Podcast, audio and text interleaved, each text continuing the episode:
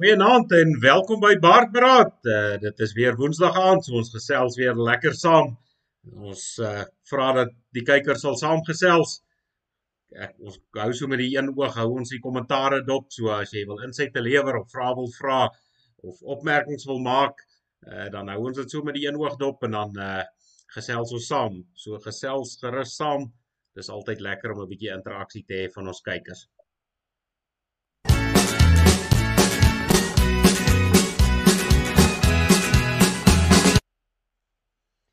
Goeienaand Johan, welkom daar ver oor die hy seker nou alweer amper vuil. Ek dink die die watervlakke het seker so 'n bietjie gedaal daar in jou geweste.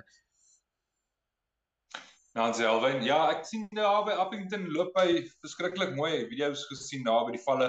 Um Andrew sê hy uh, hy hy's baie hoog daarso, die water loop daar verby. So as jy nou vir Andrew iets wou gestuur het, kon jy dit dalk nou daar bo in die rivier gegooi het en dan kon hy nou die kant met 'n met 'n net gewag het vir daai bakkies. maar ja, altyd lekker om saam te kuier. Ja, hier by my sal ek net die regte rivier moet uh, kies, jy weet, die een wat dan met die val inloop, anders die ander een wat hier by ons is, uh gaan in die krokodilrivier af. Hy loop verkeerde kant toe. So ehm um, jy weet ek ek moet my riviere mooi ken. Ja, maar luister nou, voordat ons begin vanaand, hè. Wil ek net sê jy weet hulle praat altyd van kinders, hulle nou dag statistiek gesê dat iets is 40 of 60% van die werke wat kinders gaan doen oor 10 jaar uh, bestaan nog nie. Ons weet ons nou tegnologie verander als en nuwe werke word geskep in die klas moet so die kinders uh, weet jy moet hulle nou oplei en, en grootmaak om kreatief genoeg te wees om eendag in 'n werk in te gaan wat vandag nog nie eers bestaan nie. Maar ek sit nou en dink terwyl ek nou kyk hierso na jou voorblad. As daar ooit 'n pos oop gaan vir 'n ou wat wat memes maak. Ek weet nie wat wat is 'n meme in Afrikaans? Wat wat noem jy dit? Nee Johan, jy vra my vas. Ons sal ons slim kykers moet vra. Ek sien Renier en Richard het al klaar gegroet, so ons moet maar daai ouens jy weet ek weet nie ek 'n prentjie grappie klink net nie vir my reg nie. Ja, klink dit klink nie heeltemal so so so kragtig as dit. Maar ek dink jy sou bledie goed gewees met dit. Want ek kyk nou weer vanaand se se jy jy's so skerp met die goed en dan elke keer daar kan niks gebeur nie dan is jou vinger op die sneller en dan kom hy grappies deur met 'n foto en 'n in 'n in 'n uh weet 'n onderskrif. Ehm um, so ek wil net sê ek dink baie van die mense hierso het al goed gesien wat Alwyn gemaak het so stil stil op sy eie in die agtergrond wat hulle nie eers geweet het dis jy nie. Maar ja, ek dink jy sou goed gedoen het in so 'n pos. Eh, ja Johan, ek moet nou ek moet nou bieg party van die goed wat ek uh, so deel is dalk beter om naamloos aan te stuur. party van ja, ja. party van die goed um, toetsie grense so uh, jy weet ou wil nie noodwendig aan die ouens weet waar dit vandaan kom nie. Dit is daai wat jy op baie ander selfoons se nommer en dan stuur jy hom via via iemand anders ter voordat hy by jou self uitkom. Ja, ja, nee, dis om dis om tred hoe party van daai goed werk. Ehm um, maar ek moet sê partykeer is dit maar 'n 'n gesukkel, maar so gepraat nou oor hierdie memes. Ehm um, die volk was daarom heel kreatief geweest met hierdie Charlize storie. Ek was nou nie op my lysie nie, maar ehm um, ek dink die ouens het nogal lekker geglimlag oor al die goed wat daar lig die lig gesien het. Ja, was 'n paar wat baie skerp was. Ek het lekker gelag vir daai een van ehm um, iets van Charlize, jy moet onthou al Steve se kinders praat ook Afrikaans of so iets.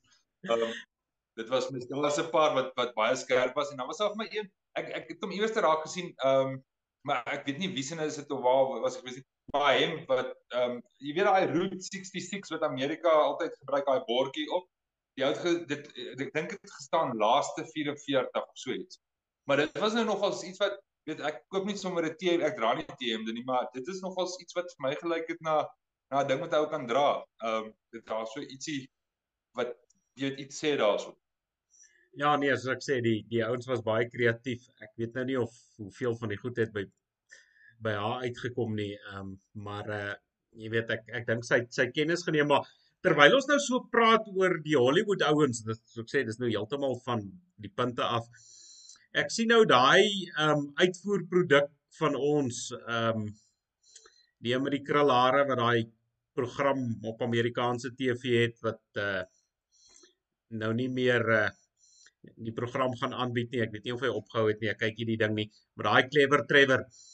Ek sien nou so flissies in die nuus. Ehm um, ek sien sy ma hierdie kant is nou diep in die moeilikheid by by SARS. Uh blykbaar skuld sy die ontnemer van inkomste so 'n klein bedragie van 24 miljoen of iets. Jo, dis aangenaam. Weet as jy 24 miljoen belasting betaal, dan moet jy heelwat meer ingekry het.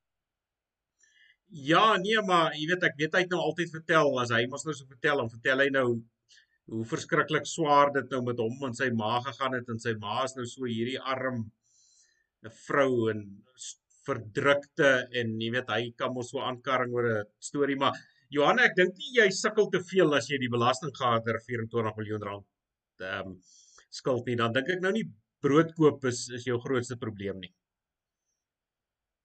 Nee ek ek ek vermoed ehm um, jy sal wat is daai woord wat jy altyd gebruik? Ehm um, finansiëel self nie selfversorgend nie. Wat wat wil mense altyd finansiëel wat is dit?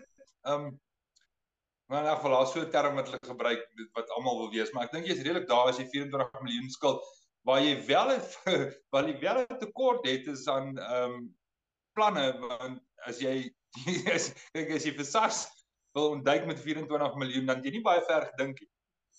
Ja, nee, maar ek, ek dink as jy dit in as hy dit nou maar vir sy moedertjie wat so sukkel in dollars aanstuur, dan is dit nou nie so baie dollars nie, jy weet, dis omtrent so 20 dollar aan, so omtrent by 24 miljoen rand so sleg as ons so sleg as ons wisselkoers deesdae. Hoorie so ek ek weet die ouens wat van Malawi af hierso as hulle gebruik baie keer sulke vouchers wat hulle nou stuur huis toe. Ek wonder of Trevor kan vouchers stuur Suid-Afrika. ja, wat wat SARS hulle gevang het. Ja, ja, nee, kyk, ek weet nie maar ek sien sy het een of ander eiendomsmaatskappy uh blykbaar. So ja, dit was nou interessant. Die die nanny wat nou kom en stap so sukkel wat wat SARS so baie geld skuld. Ehm um, maar Johan, kom ons gesels laat ek jy praat nou van ons voorblad. Kom ons begin daarom ons kan daarom nou ehm um, seker nie nalat om te praat daarom oor die voorblad nie en dan kan ons weer 'n bietjie afdwaal. Ehm um, jy weet maar anders gaan die mense wat kyk nou glad nie sin maak met, die met die program se naam en en die res wat ons oor gesels het. Maar ek sien nou ehm um, en jy het nou vandag eintlik so vinnig laat weet dat dit nou nogal 'n groot besprekingspunt is. En dit is nou natuurlik oor hierdie Amerikaanse veghonde of uh, dan die pitbulls soos wat die meeste mense dit nou ken. Nou ek sien daar's nou nogal 'n redelike boei en debat oor oor hierdie pitbulls. Hulle wil nou blykbaar hierdie honde ehm um, na Tuisland toe stuur of iets ehm um, jy weet hulle wil nou blykbaar verban. Ehm um, wat hoe wat is jou gevoel oor die oor die saak en oor die honde? Jy weet nou nou moet ek nou moet ek dan bieg ehm um, voor jy antwoord. Jy weet ek het daarom net so 'n paar honde hier by my. Ek dink ek staan nou net op 9, jy weet so ehm um, ek het nog 'n sagte plekkie vir 'n brak. Alwen ja, ek dink ou moet eers gaan kyk na die konteks en en en wat hierdie hele storie laat opvlam met weer eens.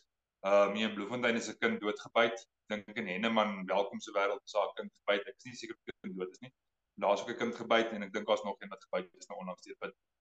Ehm um, en die DBV ek dink hier in Bloemfontein het hulle vandag gesê maar alwen ek praat onder korreksie maar dit is baie honde baie pitboele wat nou by die DBV afgelaai word Hulle word nou toegegooi met pitboele.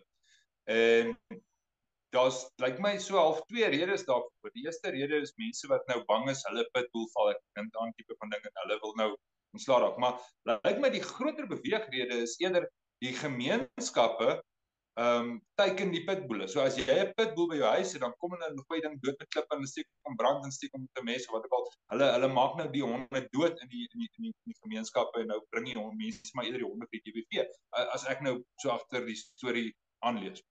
Uh so dit loop mense wat nou ons ons ontslaa raak en dan is daar 'n groot petisie en ek weet jy op 'n stadium het al gepraat van 50000 mense wat die ding teken het dat hierdie honde moet verbied verban. Wat is ban 'n verbod op hulle geplaas word. Jy mag nie meer die hond hê nie.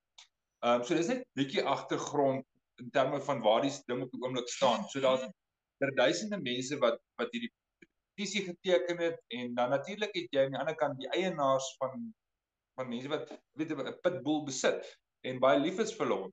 En en dis die twee pole wat wat gevorm het die laaste week wat nou redelik drasties van mekaar verskil. Johan, ek ek sien dit is nie net 'n debat wat hier ehm um, by ons aan die gang is nie. Ek weet in Amerika seker so maand of wat terug, dalk 2 maande al, uh, was daar ook 'n vrou ehm um, wat aangeval is. Ehm um, ek dink sy was baie ernstig in die hospitaal en die hond het haar twee kinders ook dood of die honde het haar ek dink dit was twee honde as ek ek praat nou erg onder korreksie. Uh, maar twee klein kinders was ook doodgebyt en sy was gebyt terwyl sy nou die spulletjie uitmekaar uit probeer haal. So ehm um, jy weet ek dink dit is nie net 'n probleem wat hier by ons kop uitsteek nie en ons weet mos nou maar as iets daaroor kan die water gebeur dan is dit nie lank voor dit voor dit hier by ons ook jy weet posvat en probleme raak nie. Maar nou wil ek vir jou vra Johan, ehm um, jy weet ek ek het nou gebieg oor my klomp honde. Ehm um, nou ek het ook maar sekere uh vooroordeele oor sekere brakke. Ehm um, maar nou nou moet ons nie uit die hoogheid verloor nie dat ons in Suid-Afrika bly en ek sien hulle het vandag gepraat ons staan daarom nou net op so 79 moorde 'n dag ehm um, of so 'n bietjie op ja. ehm um, vanaf die laaste 2 jaar ek dink dit was die syfers vir tussen Julie en September en ons ons wen nou weer nuwe rekords.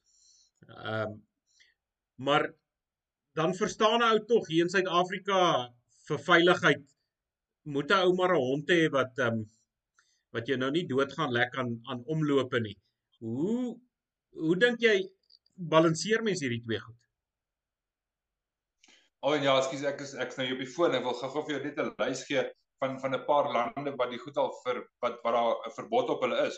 Ehm um, Nederland het in 1993 al complete pitbull ban.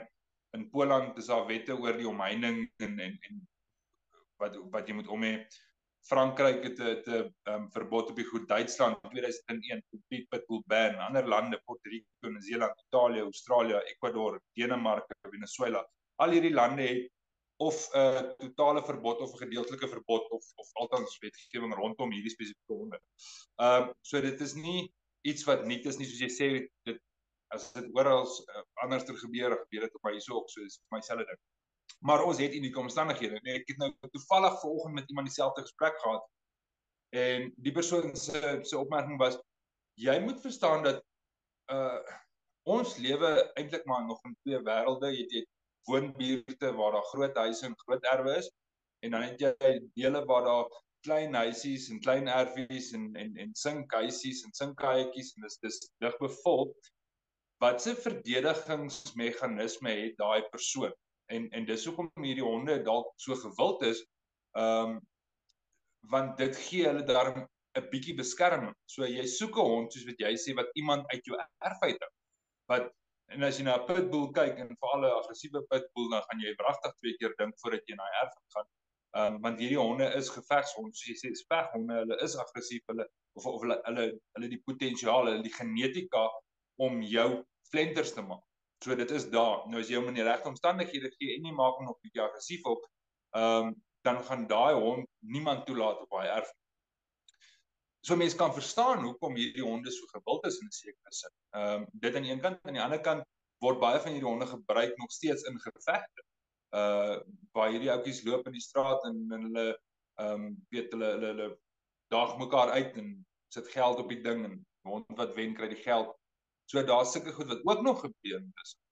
Ehm um, So ja, ek ek ek hoor wat jy sê, daar's daar's 'n veiligheidsaspek.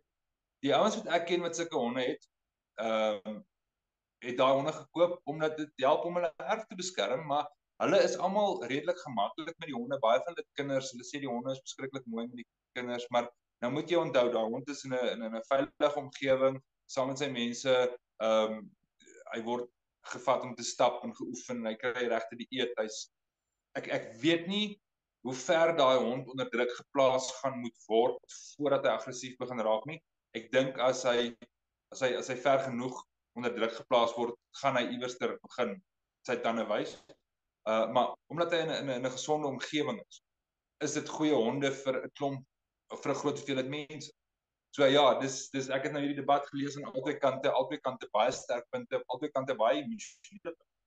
Uh maar ek het nie vir jou antwoord op ek ek, ek ek kan nog nie kanties nie. Soos ek sê, ek is self 'n honde mens. Uh maar sal ek my pitbull koop? Ek weet nie. Johan, ek sien nou die ehm um, een van die redes dalk hoekom die mense nou van die honde by die DBV gaan aflaai. Ek sien juis in een van die Vrystaatse gevalle en dit het nou kom ons gebruik nou maar die Engelse township om weer die mense ten minste waarvan ons praat.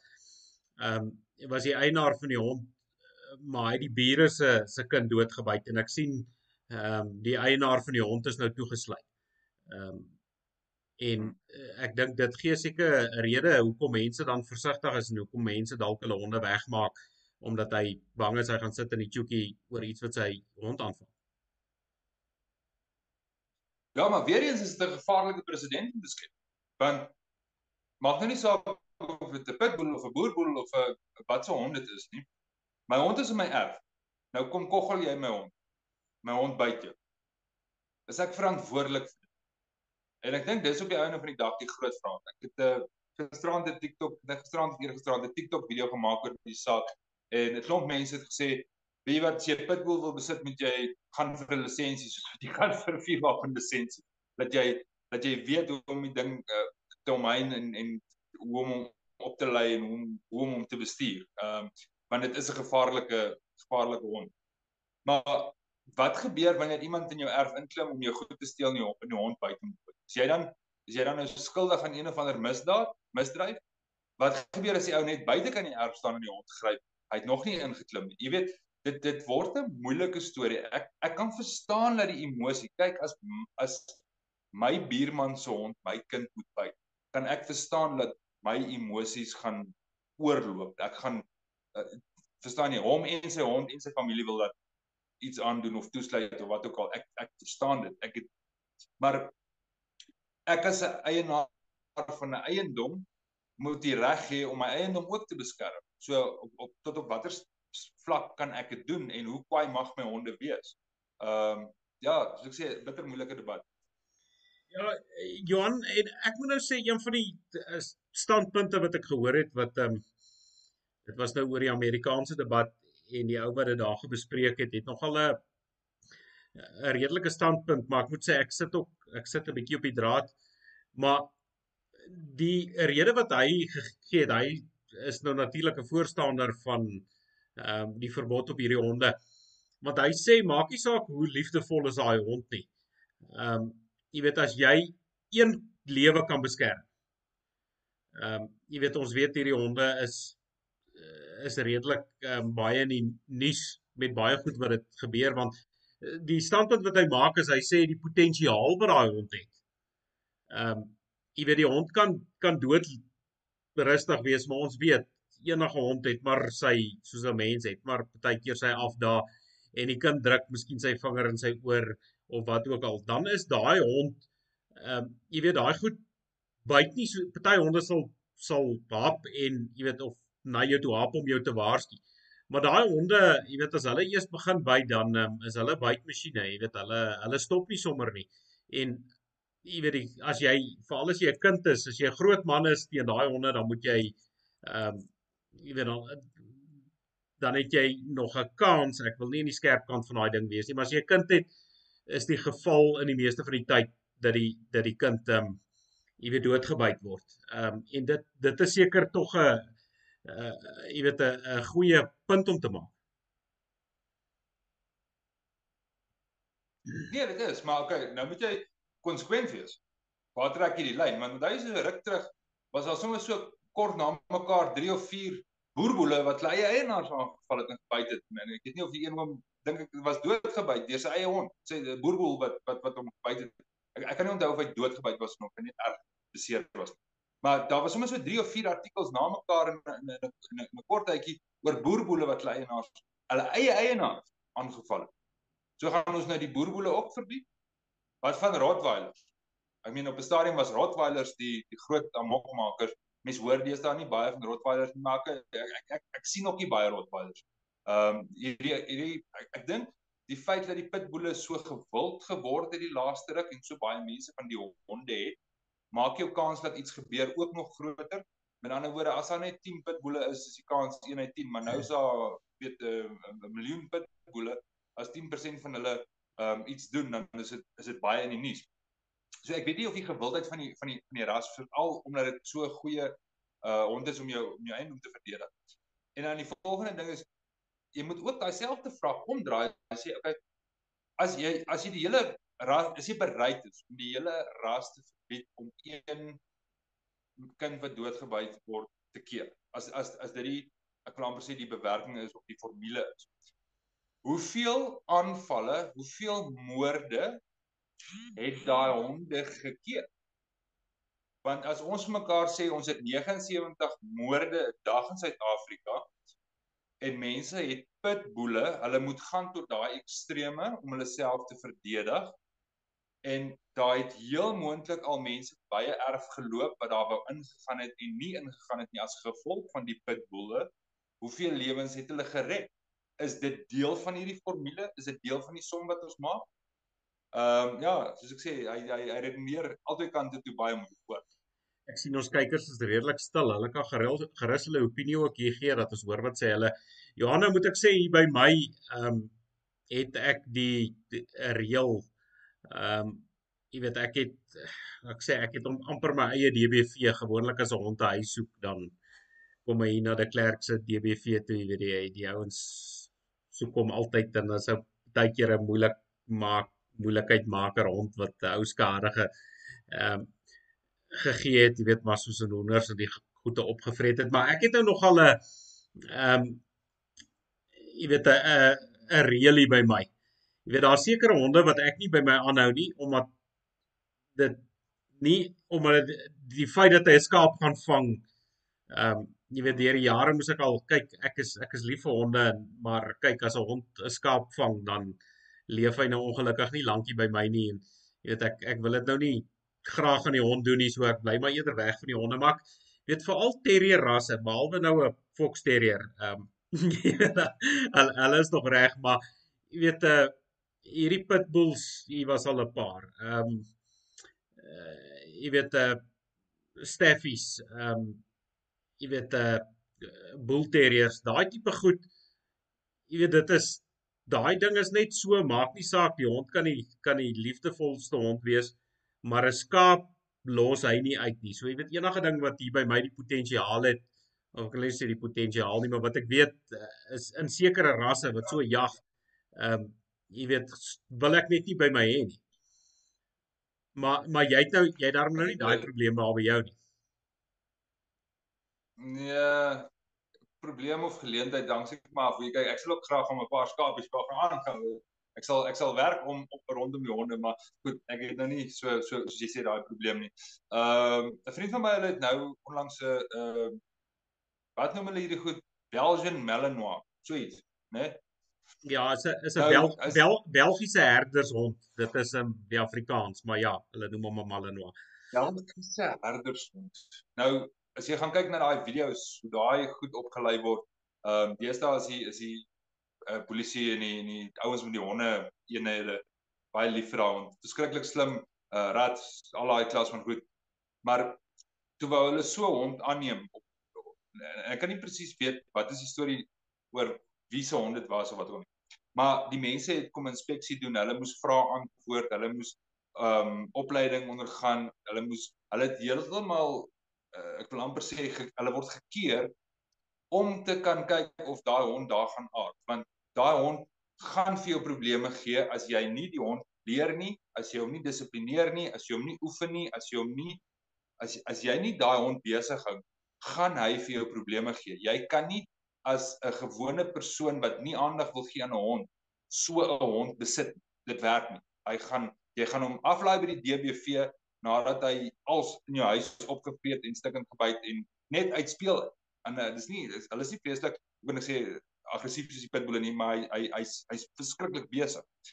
Ehm um, so ek dink weet eienaarskap speel 'n verskriklike groot rol. Jy kan vinnig in 'n in 'n hond sien wat se temperament dit sy eienaar op en die manier waarop hy sy hond hanteer en die manier waarop sy hond reageer teenoor hom. Ehm uh, so hond vertel jou geheime. En ek dink jy weet ou moenie daai die oog uit verloor nie en dan soos jy sê die ras ehm uh, party ras honde is maar net eenvoudig geneig om te wil skaap vang dit is nou maar net so. Ehm um, maar ek wil ou jy praat oor die moeilikheid maker. Ek het vandag uh, die week 'n ding gelees daarop. Ek dink dis die ou landbou sosiaal is hy sy naam nou kom ons boer. Weet jy weet gelees het nie van die ou wat gevra het hy het 'n ram wat hom so gestamp het in in wat wat om in die ram te maak maar die ou het daar plan gegee. Maar kyk 'n paar van hierdie groenes was al nie dik van die lag toe hy het duidelik wat moet jy met daai ram maak. Ja maar ek dink daai is ons daai is ons nog net nie in die skerp kant van 'n ram gewees nie weet ek het ek het ek het so ram en dan sy rustig uh maar Boeta as dit begin dek seisoen raak dan uh, moet jy maar rondkyk soos 'n soos 'n meerkat op krek, jy weet jy moet jy moet rondkyk want dan dan gaan daai ding. Maar so gepraat van die honde en jy het dan gepraat van die Belgiese herders hond, my broer het so een gehad. Ehm um, en die ding was opgelei. Hy het hom by die brandweer gebruik en die hond was ehm um, opgelei om soek en redding te doen. Nou ehm um, ek weet nie mense kan gaan rus gerus kyk hoe lyk hy. Dit lyk amper so 'n Duitse herders hond. Hy's net 'n bietjie kleiner gebou. Uh jy weet maar die ding lyk uh, dit lyk nie asof hy 'n oorvriendelike hond is nie. Ehm um, maar Johan interessant, jy weet die hond is nou juis op of was opgelei. Hy's ook nou afgetree gewees en hy's nou al oorlei, jy weet ons het klompie jare terug. Ehm um, om mense uit bouvalle, jy weet as daar 'n uh, eers storting is om mense daar te soek. Uh mense in die veld, jy weet ons het so uh, toe hy met die ouens is hier wat die honde doen, dan gaan kruip ek weg. En jy kan jy kan nie vra hond wegkruip nie. Ehm uh, jy weet 'n hond loop so 'n paar keer en as jy jou sien is hy reguit na jou toe, maar nou veral mense wat nou nie die hond ken nie, ek dink nou nog al 'n jy weet ek het nou ek en my broer is buurman en so ek ry daar was nou 'n uh, vrinne gewees, maar jy weet daai hond wat so lyk dan as hy jou kry, dan begin hy blaf hier langs jou. Ehm um, jy weet nou ek dink 'n ou skrik om boeglam wat jy dink 'n hond wil jou nou kou as hy hier langs jou blaf, jy weet maar dan roep hy eintlik nou net om te sê hoorie ek het ek het nou die ou gekry maar verskriklike skerp honde. Ehm um, jy weet hulle hulle is hulle is fantastiese honde en maar die goed kan spring en jy weet uh, dit is dis eintlik ja, is eintlik 'n baie baie lieflike hond. Hoor jy so alweer maar nou het ons die gesprek met die mense oor die honde en en maar ek het ek het 'n plan vir die hele storie. Mense moenie honde kies nie. Jy mag nie jy moet jy is nie veronderstel om eintlik te kies wat so hond jy wil hê nie. Jy moet soos 'n aanlegtoets gaan doen, nê. Nee. En na aanleiding van die aanlegtoets gaan hulle kan bepaal wat so hond jy kan hê, wat se tipe hond sal werk vir jou. Want mense, jy weet, hulle wil almal 'n hond hê, maar geen idee wat behels daai hond nie. So, ek dink ehm um, ons moet aanlegtoetse skryf voordat jy en dan gaan hulle vir jou opsie gee meneer, ehm um, vir jou omstandighede vir jou persoonlikheid kan jy Engelse boel kry. Ehm um, hy hy lê net daarso en en jy weet dit is dit is jou tipe energievlakke. Ehm um, of jy weet daar van daar af op en as jy dan nou baie irriterend is en jy en jy dink daar's net 44 mense wat Afrikaans praat en jy so lekker stoepkakkie kry wat in jou handsak kan dra. ja, maar Johannes nogal snaaks het nou nog gepraat van as as die hond ehm um, iemand in jou erf byt nou. Ehm um, ek het 'n omheining met draad en 'n hek om my huis ehm um, gedeelte juis om die honde en die skape van mekaar af weg te hou. Jy weet net vir net vir die wis en die onwis, die goed, hulle is daarom nou al ge uh jy weet uh partykeer laat ek die skape op die huis wys, so dit is nie 'n probleem nie, die jy weet ek het nie 'n probleem met die honde nie, maar wat vir my snaaks is, honde se temperament. Ehm um, as ek die hek oopmaak om die huisgedeelte en die hond kom oor daai of deur daai hek geloop, dan is dit 'n ander hond as wat om die huis is. Hmm. Ehm um, jy weet so as hy nou 'n werker hier buite loop, hy kan maar daar buite loop, die hond sal hom redelik uitlos. Maar hy kan nie binne in die hek kom nie, dan ehm um, dan het hy nuwe probleme. Dit is dis nogal snaaks dat dat 'n hond so verskriklik territoriaal is en net jy weet ehm um, soos ek sê, hy weet binne hierdie hek is hy ander rond as wat hy buite die hek is. Ja, maar jy het seker al hierdie video's gesien waar die twee honde so op mekaar staan en blaf deur die heining en dan iemand maak hulle die heining, vat die heining weg, maak die hek oop. Dan weet hulle amper nie al wat om te doen nie. Dan is hulle al verboureerd van wat gaan nou hier aan. Ehm um, maar alwen ons kan nie so oor honde praat en en en, en nie praat van hoe lief 'n hond vir jou is nie. Wat die een ou mos eendag gesê, ehm um, jy weet, as jy nou wil weet wie's liewer vir jou jou hond of jou vrou, ehm um, dan laat jy al al drie buite in die reën staan en dan kyk jy wat maak hulle as jy die deur vir hulle oopmaak as hulle sien wie's bly om jou te sien of so iets. Ehm um, maar ja, die die weet daar's niks so lekker soos 'n so 'n goeie hond.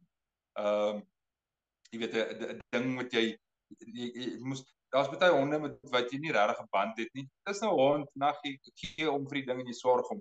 Maar baie keer kry jy mos dan net 'n hond wat jy daai hond weet wat jy dink hy hy dis dis jou hond man. Ehm um, yes, daar's hom niks so lekker soos 'n so redelike hond. En wat nogal snaaks is Johan, ek met die spulhonde, ehm um, ou dink baie keer jy kies 'n hond, maar die hond kies jou. Ehm um, hmm. jy weet ek het 'n 'n 'n spulhonde hier en en uh my seun bly nog by ons in die huis en daar's baie honde waar ek die baas is. Ehm um, ek wens my vrou wil so goed vir my luister as Johanne. Uh maar dan is daar ander honde wat die vrou weer aangeneem en ander wat die seun, jy weet jy jy dink nog as jou hond, maar dan kies daai hond vir 'n ander baas. Ehm um, dit is nogal snaaks hoe honde ek ek weet nie hoe hoe kies hulle noodwendig nie, maar ehm um, dit is nogal interessant uit. Hoor is vir my ek is mos nou ag jy weet elke ou het mos net maar sy goed wat wat wat hom aanraak of wat vir hom nou naby in die hart lê. Nou ek is ek raak simpel vir hierdie video's soos hierdie Amerikaanse soldate wat weg was en dan kom hulle terug en dan verras hulle mense by die huis, weet die die die oupa of die pa wat gedink het hy gaan nooit weer die kind sien nie en dan kom kuier die kind en, en dan sit hierdie verrassing en dis dis emosioneel en goeie en ehm um, daai goed werk vir my. Ek ek ek raak dis vir my 'n verskriklike mooi deel van iets weet. En uh, ek kyk nou die dag een van 'n uh, van 'n ou wat wat weg was, teruggekom het en sy hond toe hulle die deur oopmaak en daai hond sien sy baas na 2 jaar of na hoeveel maande of wat ook al die ou weg was. Maar wie hy alwen daai emosie in daai hond. Jy kan dit nie glo nie. Hy vat daai oomblik totdat hy besef wat gaan hier aan. En toe is dit sommer net, jy weet ons hond mos sommer so uit sy nate uit, dis verspot laf en ehm um, maar dis dis dis so mooi en en ek dink mense jy weet onderskat baie keer die die band tussen 'n tussen 'n mens en 'n hond. Uh daar's van daai van daai bande wat baie sterk is. Ja nee, ons om nou terug te kom na Ryder daai uh, Malinois, die die, die uh, Belgiese herdershond. Uh, my broer het op 'n stadium van 'n huis af na woonstel toe getrek aan die kolonie voor hy nou weer Transvaal toe gekom het. En toe die hond nou by my gebly seker jaar jaar en 'n half soos jy sê. Ehm um, jy weet dit hy nou maar hier by my DBV kom kom opsit. En toe my broer nou teruggekom met Transvaal toe en hy trek hier langs aan toe.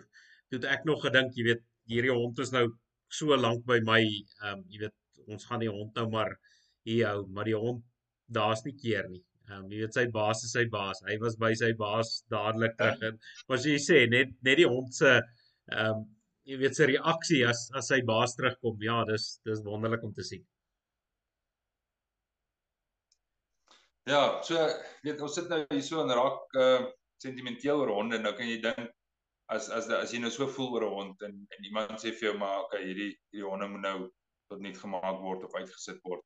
Ehm um, die eienaars gaan dit nie nie maklik vat nie. Ek, ek ek weet nie wat se antwoord op daai probleem nie. Ek weet nie wat se wat se uiteinde van die debat nie.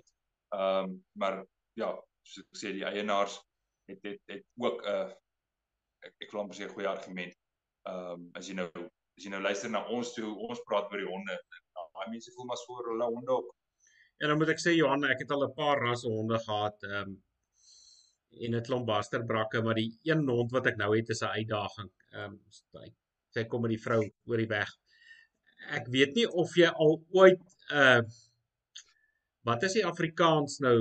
Dis 'n uh, Germaanse kort haar punthond jy weet daai ehm um, daai pointers soos ons hulle ken. Ek weet nou nie wat is die die Afrikaansie, maar kyk ek het al baie honde gehad, maar nog nie so besige hond soos daai ding nie. Kyk as daai daai hond is of op pad om moeilikheid aan te jag of op pad terug van moeilikheid aan jag af. En daai hond het nie, jy weet jy maak so skofte om met die ding te speel want die ding het net nie einde nie. Jy weet dit is soos daai soos daai hasies met daai batterye met die koperkop, jy weet daai goed hou net aan en aan. Dit is kyk dit is 'n uitdagende hond. Enige iemand wat ehm um, dit lyk oulik as jy skiet en die ding gaan haal die duif. Ek kon dit nie so ver kry nie. As ek saam gaan dan vreet sy die goed op, jy weet, so ek ek dink ek gaan skiet net te min, maar kyk dit is 'n dis 'n spesiale brak. Ja, ek ek ken hulle nie so goed nie. 'n Ander een wat ek baie versigtig voor is, want ek nie ek hou nie van hulle temperament nie. En weer eens daar's mense wat van die goed hou en en wat ergens oor hulle. Ek dink hulle noem dit 'n chow, so 'n rooi hond met so 'n blou tong. Hmm. Ehm um, my my ervaring met daai honde was uh, hulle is hulle is baie mm, plofbaar, volatiel wat sal mense dit noem. Ehm um, hulle is hulle is hulle is baie onvoorspelbaar. Hy hy hy's nie openlik aggressief nie, maar jy kan sien die ding is lus vir jou. Hy ehm um, weet dis amper so 'n leeu aan die ander kant van die draad. Hy brul nie of niks nie. Hy staan net so en kyk, maar jy weet die ding moet opvreet. Ehm um, hulle het vir my dit was my ervaring van daai honde en ek wil niks met hulle uitwaai nie. Ek gaan ook nie in 'n in 'n erf waar daar is nie. Ek vertrou hulle niks. En weer eens, dit kan wees dat die honde oor die algemeen goeie honde is, maar dit was nou my ervaring. Dit is nou my verwysing. Ja, moet ek ook sê Johan, een van die ander honde wat ek hier het is ehm um, uh, jy weet dit is 'n skoothondjie. Uh, een van die grootste skoothondjies in die wêreld. Uh groot koes. Dis nou een van hierdie ehm um, groot Deense honde. Ehm um, maar kyk daai hond weet nie hy is so groot nie. Hy wil altyd, jy weet, hy wil altyd op jou, jy weet, dis nou soos ek sê, is nou regte skoothondjie. En maar die rustigheid van self, ehm um, die hond was ook 'n bietjie, hy was by huis gewees wat nie so baie aandag gekry het nie. So ons het in die begin baie met hom gewerk om hom nou meer rond te maak. Maar ek het nie, jy weet, ou kom nie agter hoe kan daai goed as hy hom nou vererg, hoe kan hy hom regtig kou nie? Ehm um, my seun het so 'n karretjie, een van daai drolkewertjies, jy weet daai klein karretjies, ek dink hy 13 bande op en hy ehm um, is eendag besig om die kar uit te trek, maar hy kyk nie mooi nie en Koos lê sy lê, jy weet um, daai hond kan lê. En hy het so net, jy weet nie oor die hond nie, maar so half op sy poot dat hy hom net wil raak, maar daai hond band byt hy byt daai 13 binneband of buiteband buite uit so twee gate. Daar's 'n band. Ja. Woes. Jy weet daarmee heen. Ek het nie ek het nie gedink daar ons kan so byt nie. Ja, dan kom hou agter, jy weet 'n brak wat kan byt, um, jy weet om dan weer so buiteband te byt vat nogal 'n jy weet 'n redelike krag. Ja, nee, kyk daai ek dink jy daai is daai is maklik nie hoor. Uh maar ja, interessant dat jy praat van daai honde. Ek hier was 'n oom wat my eendag vertel het van die storie. Hulle het ook so hond gehad, maar rustigheid van self en hy het toegelaat dat mense inkom in die erf in, maar dis nou nie daarvoor selfone en die goed toe mense nog aan jou deur kom klop om te hoor of jy by die huis is. Dan as hulle by die huis kom in die aande, dan dan lê die hond op die op die op die stoepie op die trappie dan sit daar iemand op die stoep. Hy hulle moet inkom. Hulle mag klop aan die deur, maar hulle mag nie weer loop nie. Hy's hy's net net so aggressief genoeg dat jy moet verstaan jy gaan nou hier wag. Ehm um, met ander woorde die aggressie is daar, jy besef die hond as jy nou verder loop, dan gaan die hond nou verder jy loop meer jy, jy jy kom net vinnig agter.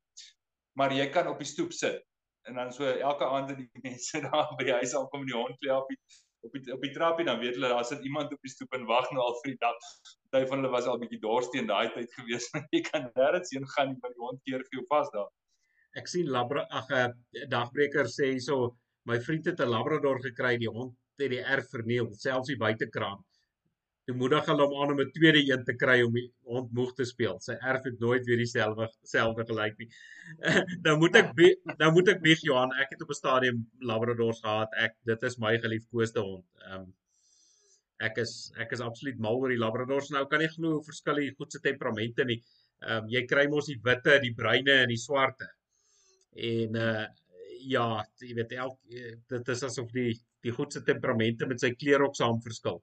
Ehm um, Maar ja, lieflike honde. Ek is ek is baie lief vir die labradors en ja, maar jy ehm um, jy weet van van al die goeie wat hulle weet kry en so, maar jy weet uh, ek ek hou van die goed se temperament. Jy weet dit is 'n uh, dis baie mooi temperament, maar ek het ook al weet van hulle gehad wat 'n bietjie meer bevoeterd is. Maar ja, ons gesels nou so lank oor honde en ek het nou verlede week het ek nou vir die volk beloof ons gaan so 'n bietjie gesels oor jou boek. Ehm um, en ek sien ek het nou 'n klomp goed hier hier neergeskryf het sê wat by gaan uitkom maar voor ons by jou boek kom ek moet dan eers ehm um, dit noem. Ek sien daai Britse koning, hulle sing mos nou nie meer God save the queen nie, dis nou die king. Ehm um, nou daai daai ou met die paar ore aan hom. Ek sien hy het nou vandag uh Tian se president daar onthaal in uh in die paleis, maar ek sien hy spreek hom toe aan as Ramaphosa. Ehm um, ek ek dink van nou af op baardberaad gaan hy nou maar bekend staan as Ramaphosa. Ek hou nie daarvan om agter die Engelse aan te loop nie, maar as dit snaaks is dan kan hy dit seker gebruik. Ja, nee, kyk, ek ek wonder altyd as as Ramaphosa ou Ramaphosa nou daar sit net. Kyk, die een ding wat baie van ons boere mense gekelder het in gesprekke met die Britte was die hoeveelheid etiket wat betrokke is daarso.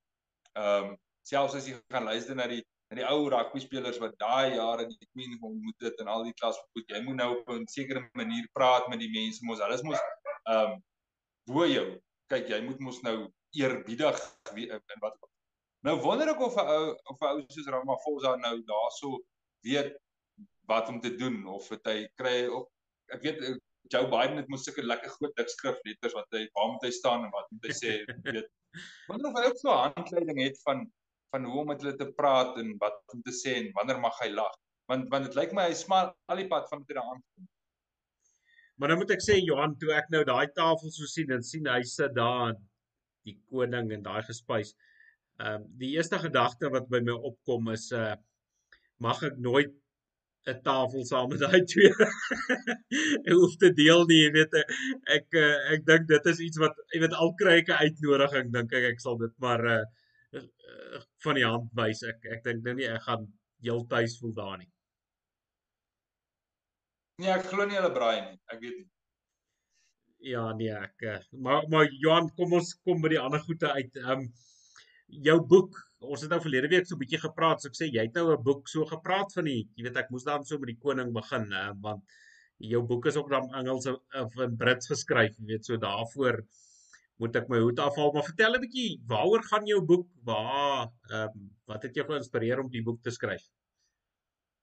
En en uh, ekskuus voor ons daarby kom. Oh, ja, die, die boek se naam is Woeka. Waar waar kom die naam vandaan?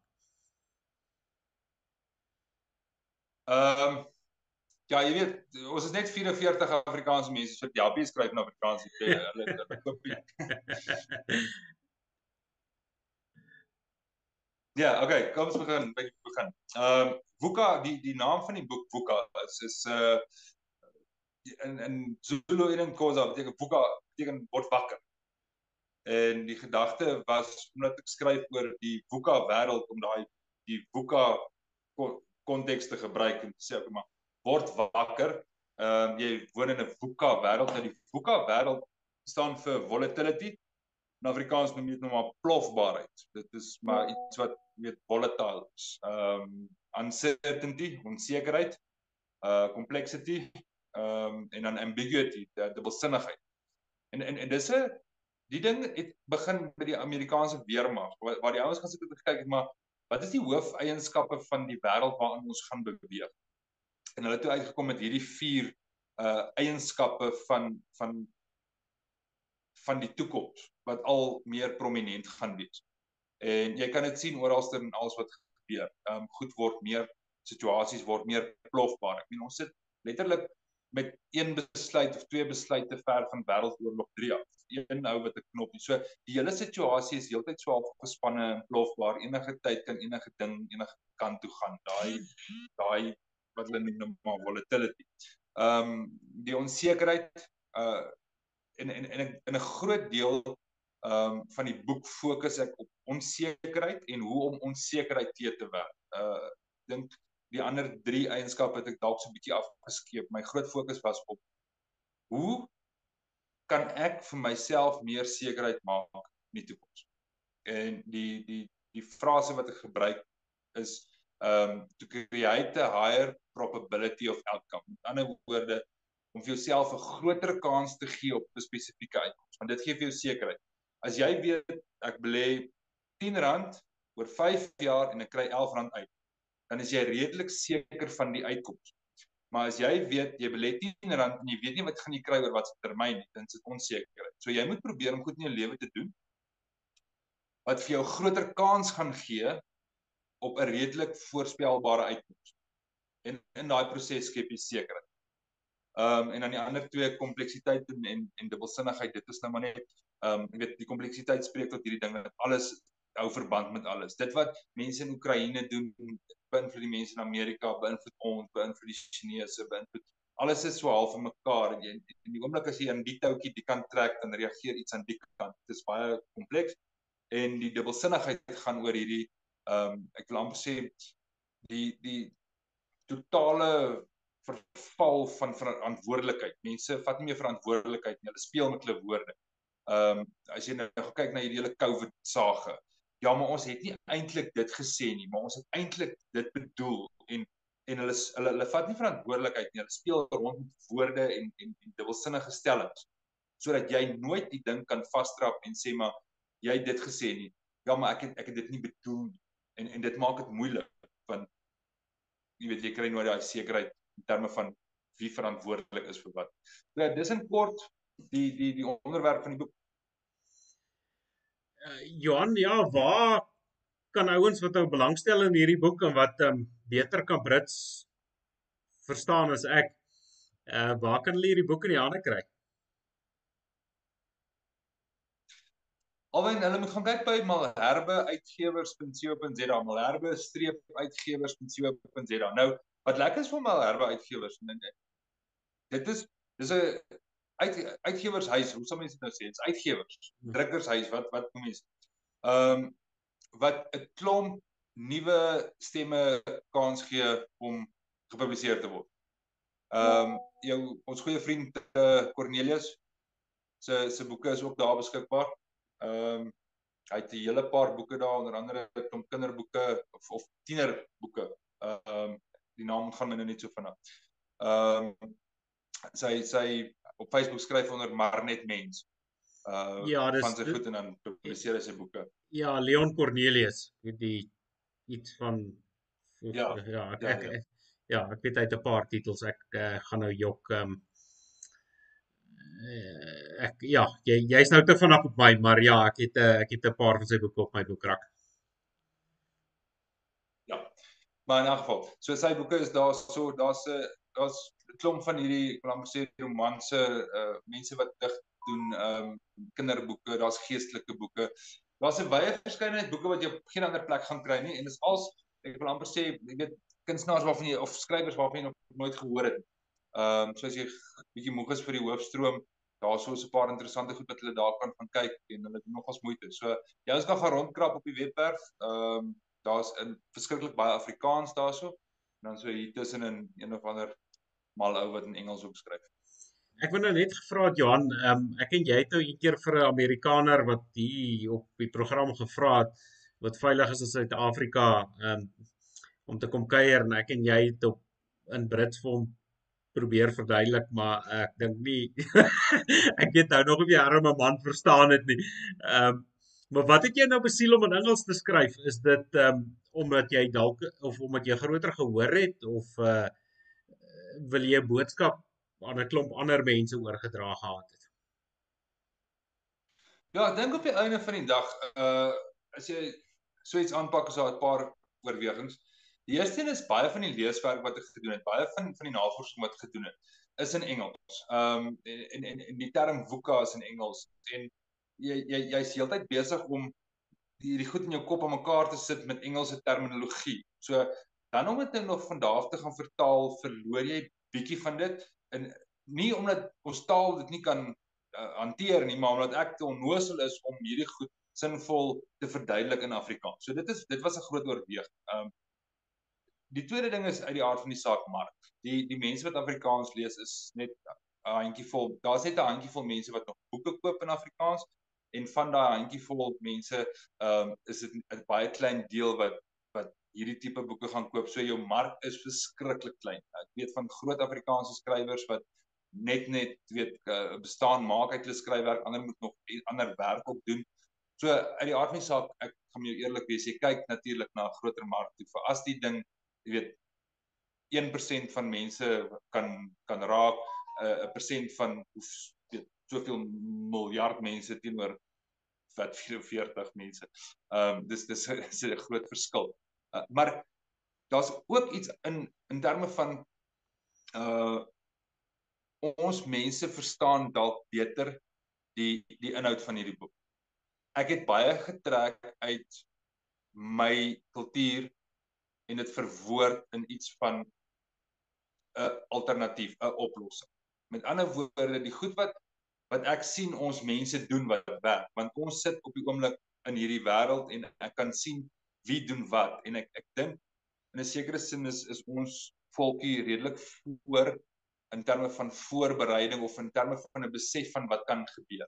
As jy gaan kyk na hoeveel mense voorbereiding tref vir ehm um, goed wat kan gebeur, noem nou maar die Suidlanders en en ander groepe wat letterlik voorberei dat alles in een stop. Ehm um, so ek dink ons is redelik blootgestel aan aan die gedagte om verder vooruit te dink en om sekerheid te probeer skep want baie van hierdie goed kom neer daarop dat dit wat jy sien moet jy projekteer en om vir jouself sekerheid te gee om, om daai higher probability of outcome daar te stel. Ehm um, hoe meer voorbereid jy is, hoe beter. Nou, dit is iets wat klaar in ons in ons wêreld is. Ehm um, hoe meer veiligheid jy om jouself sit, hoe beter. Dit is klaar in ons wêreld. So ek dink die boek kan dalk meer waarde toevoeg as een van ons mense dit lees kan hulle dalk hier en daar iets optel na ek hoop daar's waarde in vir vir mense. Ehm um, maar ek dink hulle sal blootgestel aan baie van daai inligting terwyl die res van die wêreld dalk nie so baie uh al hiermee gekonfronteer is nie. En dan die laaste ding is ehm um, een van die groot goed wanneer dit kom by by by groei, by ontwikkeling, by hierdie klas van groei is om jouself uit te daag.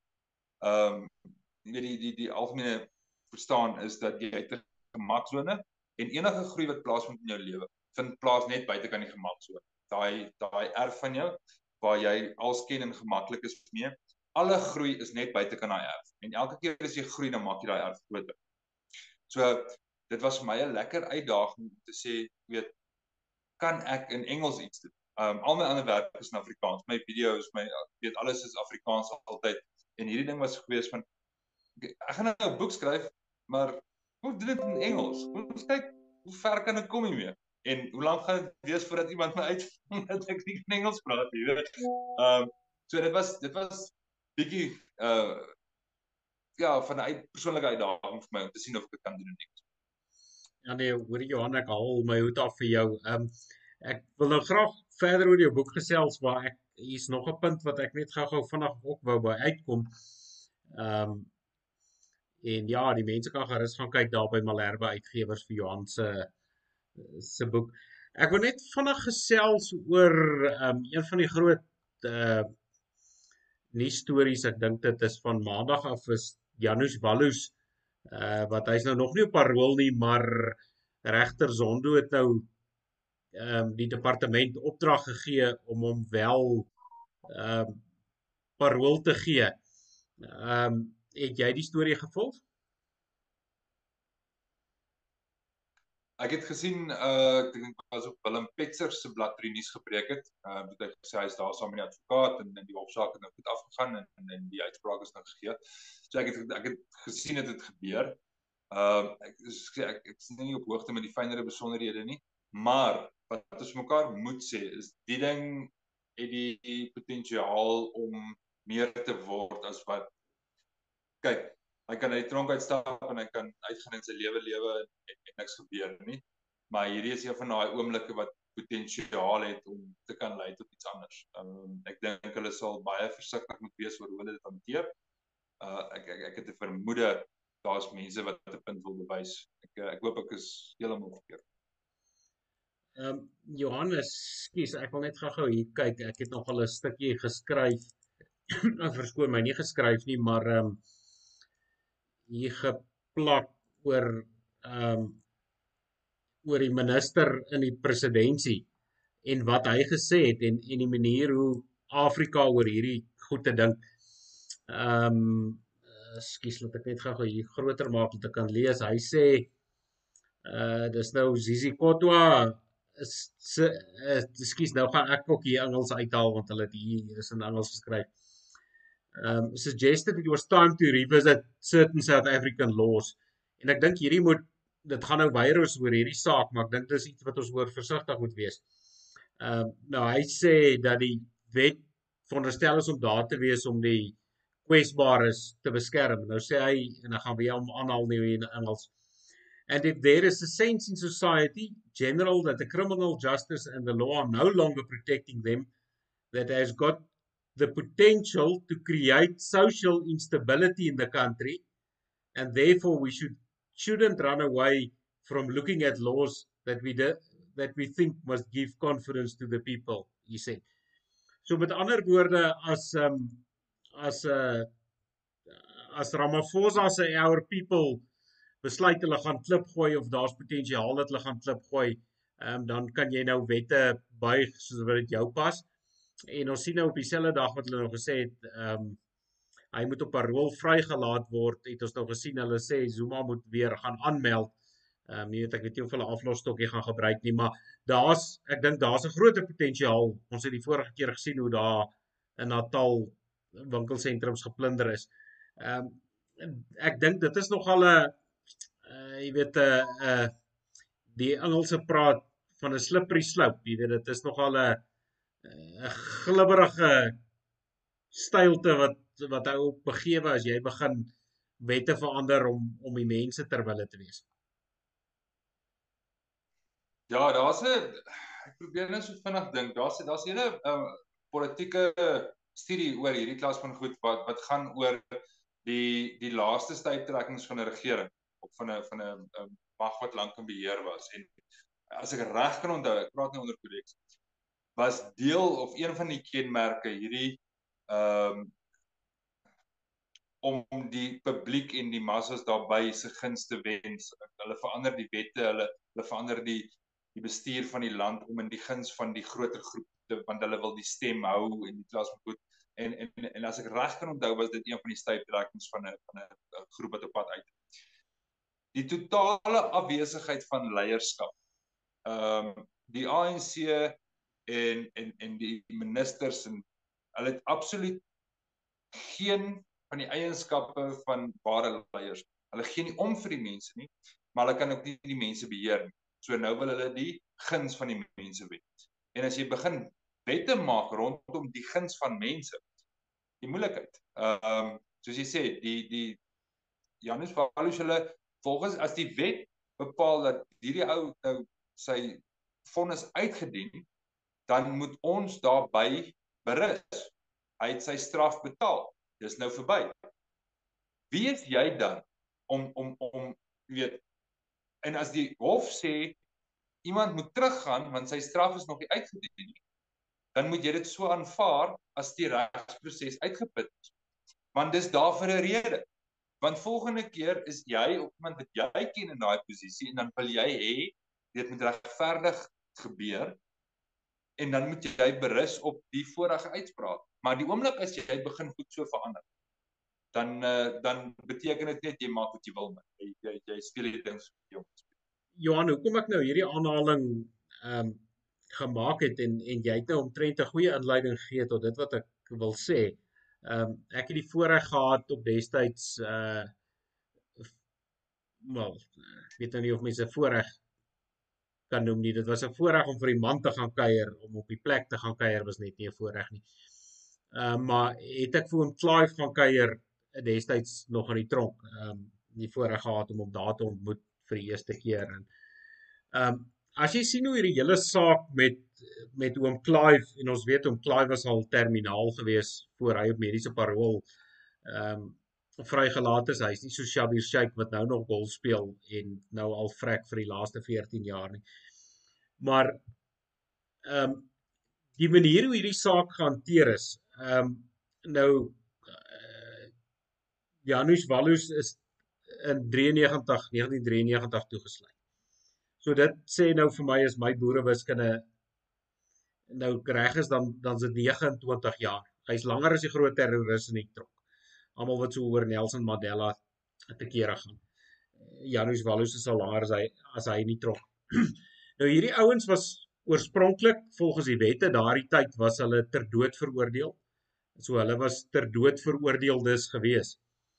Ehm um, voor die Waarheids- en Versoeningskommissie wat gesê het dis daar vir politieke moorde ehm um, was die reëls anders gewees vir ehm um, Janus Wallus en oom Clive as wat dit vir 'n klomp PAC lede gewees het en 'n klomp ek meen ek selfs 'n blinde ou kan sien dat dit 'n polities gemotiveerde moord was, maar die reëls het anders vir hulle gegeld. Hulle het nie amnestie gekry by die Waarheids- en Versoeningskommissie nie. Toe op 'n stadium toe verander ons land se wette, toe sê hulle jy mag nou nie meer hang nie. So toe die doodstraf verander na lewenslank. En die wet het toe verander dat jy dat lewenslank beteken nie lewenslank nie, dit beteken 25 jaar.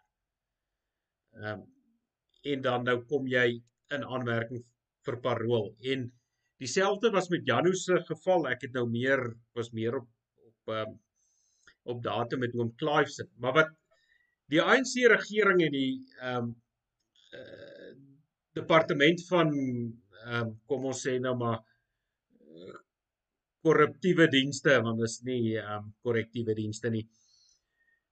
Toe maak hulle hulle wiskunde anders. Toe sê hulle maar vandat die vonnis oorgeskakel is van ehm um, ter dood veroordeel na lewenslank daai jare wat daai ouens daar gesit het tel skielik nie meer nie. So hulle begin nie by 93 tel nie, hulle begin eers tel van waar die vonnis oorgeskakel is. En hierdie reëls was net op die ouens van toepassing. Op die ander ouens het dit was dit nie van toepassing. So hierdie ouens het heeltyd die doelpale geskryf. En nou sien ek daai ehm um, Chris Hani se vrou is nou baie ongelukkig. Ehm um, en sy sê nee, maar dit is nie onregverdig nie want want hy moet nooit vrygelaat word nie. Soos selfde redes want dit kan nou on verskoon my onstabiliteit in die gemeenskap veroorsaak. En dit moet nou swaar lewer, maar haar woorde is nou dit is nie onregverdig nie want hy kan nog steeds aansoek doen vir parol. So die feit dat jy net nooit gaan parol kry nie, maar jy kan aansoek doen vir parol is volgende haar nou. Uh, kyk hierdie skree dan ten ten hemele hoe hierdie ouens gehanteer is as wat die res van Suid-Afrika se gevangenes gehanteer word. Ja, absoluut. En en ek bedoel dit word 'n politieke speelbal, dit word gebruik. Nou moet jy onthou in watter tyd gebeur daai. Ehm um, die ANC sukkel. Ehm um, hiersoos nou groot besluite wat moet geneem word oor wie is die baas van die ANC, wie gaan in die volgende verkiesing staan ensovoorts ensovoorts. Die ANC is onder druk by die stembus. Ehm uh, so al hierdie goed word nou gebruik en nog erger gemaak om deel te vorm van die spel wat hulle speel rondom die politiek. So hulle uh, hoe sê hulle nooit 'n goeie geleentheid laat verbygaan nie. Uh, of goeie tragedie laat. Wat wat wat s'n stelling? Maar punt van die saak is hulle gebruik hierdie goed nou nog meer om mense te beïnvloed na een kant of na die ander kant. En uh boonop vir die feit dat dit onregverdig is, is dit nou nog ongelukkig in 'n moeilike tyd wat dit gebeur op en weer eens, dit het die potensiaal om te misbruik of misbruik word. As as as as jy met sinvolle redelike mense werk wat die wet respekteer, wat die reg respekteer, dan is daar net een uitkoms en dit is die persoon wat stromte uit sy straf uitgedien, hy's nou uit, los hom. Dis verby. Dis soos wat ons in die ou dae pak slaag gekry het en dan was verby. Maar nou word dit na hoeveel jare weer in die nuus ingebring. Nou dink vir 'n oomblik, ek meen hy sit van 93 af, 93, wat is dit nou 29 amper 30 jaar. Vat nou 'n uh, persoon van die ouderdom 18 jaar oud. Dis 12 jaar voordat hulle gebore is wat hierdie goed gebeur het. Hulle verstaan nie die konteks nie. Nou na 30 jaar word daar gesê maar hierdie persoon het dit en dit gedoen. Maar hulle hulle hulle word nie konteks gegee nie. Hulle word nie as dieselfde weet as as as ons vir ons kinders eendag vertel maar Eugene is vermoor deur hierdie ou en en en en daar gaan emosies betrokke wees, daar gaan aggressie betrokke wees. En as jy nie saam met dit konteks gee en respek vir die vir die vir die reg het dan dan skep jy potensiaal vir interessante goed om te gebeur. Ek weet nie. Ek 'n mens wil nie sulke goed sê nie, maar ek is bekommerd oor oor sy veiligheid. Ehm um, want daar is radikale mense daar buite en ons weet klaar hulle word onregverdig behandel. Ehm um, ek weet nie hoe ver hierdie mense bereid is om te gaan nie. Ja Johan, ehm um, die departement is nou gesê om hom binne 10 dae parol te gee. Ehm um, so hulle sal nou seker wag tot tot die 11. Ja, tot dit heeltemal so ou moet maar kyk. wat wat daar gaan gebeur. Maar Jan, ons is nou al ver oor ons tyd. Ons gaan nou nie vanaand lag nie, maar nou wil ek ook sommer vra, ek wil ehm um, die volk uitnooi. My nommer is hier op die skerm. As jy nou 'n lekker lag videoetjie het, jy weet ek hou daarvan om 'n lag videoetjie in te speel so om mee af te sluit. Stuur hom gerus vir my en ehm um, stuur daarom iets wat ons kan publiseer hier op. jy weet wat ons kan deel. Ehm um, jy weet ou kan nie noodwendig alles wat jy kry deel nie en uh ek moet sê ek het nou so vinnig gekyk maar my goed was skaars maar ons is in 'n geval ons is nou al redelik oor ons tyd so ehm um, ek kan nou nie ons gaan nie daar Wat seker tyd vir 'n vinnige grappie. Hey, uh, gooi.